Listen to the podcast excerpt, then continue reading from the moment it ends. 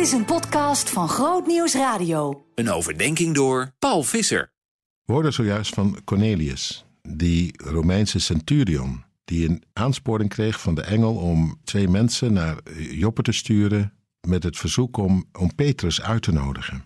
En nu lezen we in het vervolg dat er aan de andere kant in Joppe bij Petrus ook iets gebeurt. We lezen het volgende.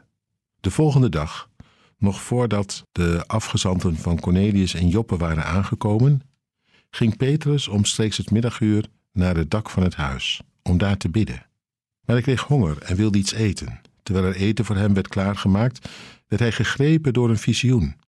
Hij zag hoe vanuit de geopende hemel een voorwerp dat op een groot linnen kleed leek, aan vier punten op de aarde werd neergelaten. Op het kleed bevonden zich alle lopende en kruipende dieren van de aarde en alle vogels van de hemel. Hij hoorde een stem zeggen: Ga je gang, Petrus, slacht en eet. Maar Petrus antwoordde: Nee, heer, in geen geval, want ik heb nog nooit iets gegeten dat verwerpelijk of onrein is.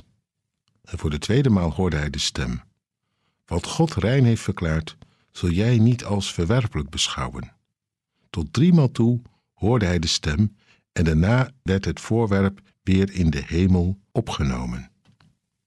Dat vind ik zo mooi, wat je hier leest. Aan de ene kant die Cornelius, die wordt opgezocht via een visioen, die een opdracht krijgt. Aan de andere kant Petrus, die ook via een visioen iets te zien krijgt en hem zo bereid zal maken om straks mee te gaan.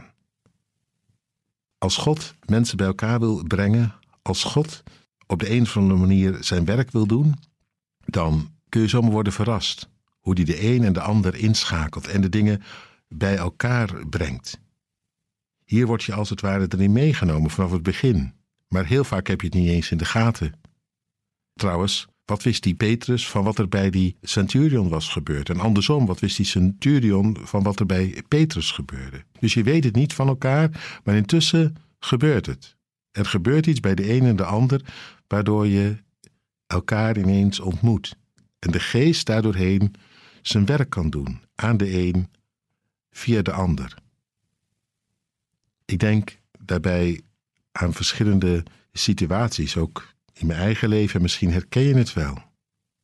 Je zit te kijken naar wie zal ik op bezoek gaan en je belt die en gene en ineens denk je aan iemand waar je een tijdje niet aan gedacht had en denk je, nou ja, oké, laat ik die nog maar eens even bellen. Je gaat er naartoe en de ander zegt, hoe kwam u er nu toe om mij vandaag te bezoeken? Nou ja, vertel je, het gebeurde gewoon door dit en dat, door zus en zo. Niet gelijk een visioen, eerder een beetje oponthoud, omdat je niet terechtkomt bij de een en bij de ander. En dan zegt de ander, verrast. Ik had erom gebeden vanochtend. Om iemand die me op zou zoeken, omdat ik er niet meer uitkwam. Gebeden om een teken van de hemel. Of God iets wilde doen. En nu nu zit u hier. Samen verbaas je dan over het werk van God.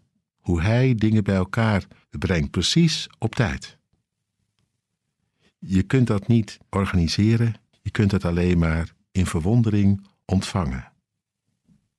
En het geeft natuurlijk een bevestiging dat wat er op dat moment gebeurt echt iets van de hemel is. Niet alleen maar fijn, plezierig, nee, veel meer een geschenk van hoger hand, waarin je voor elkaar tot een zegen wordt, er samen door wordt verrast door wat God, de Geest, de levende Christus je daardoorheen schenkt en wat je voor elkaar kunt betekenen. Prachtig. Zo krachtig weet Christus ook vandaag te werken. En daardoorheen bewijst hij zich als de levende die van ons weet en die ons gebruikt en inzet.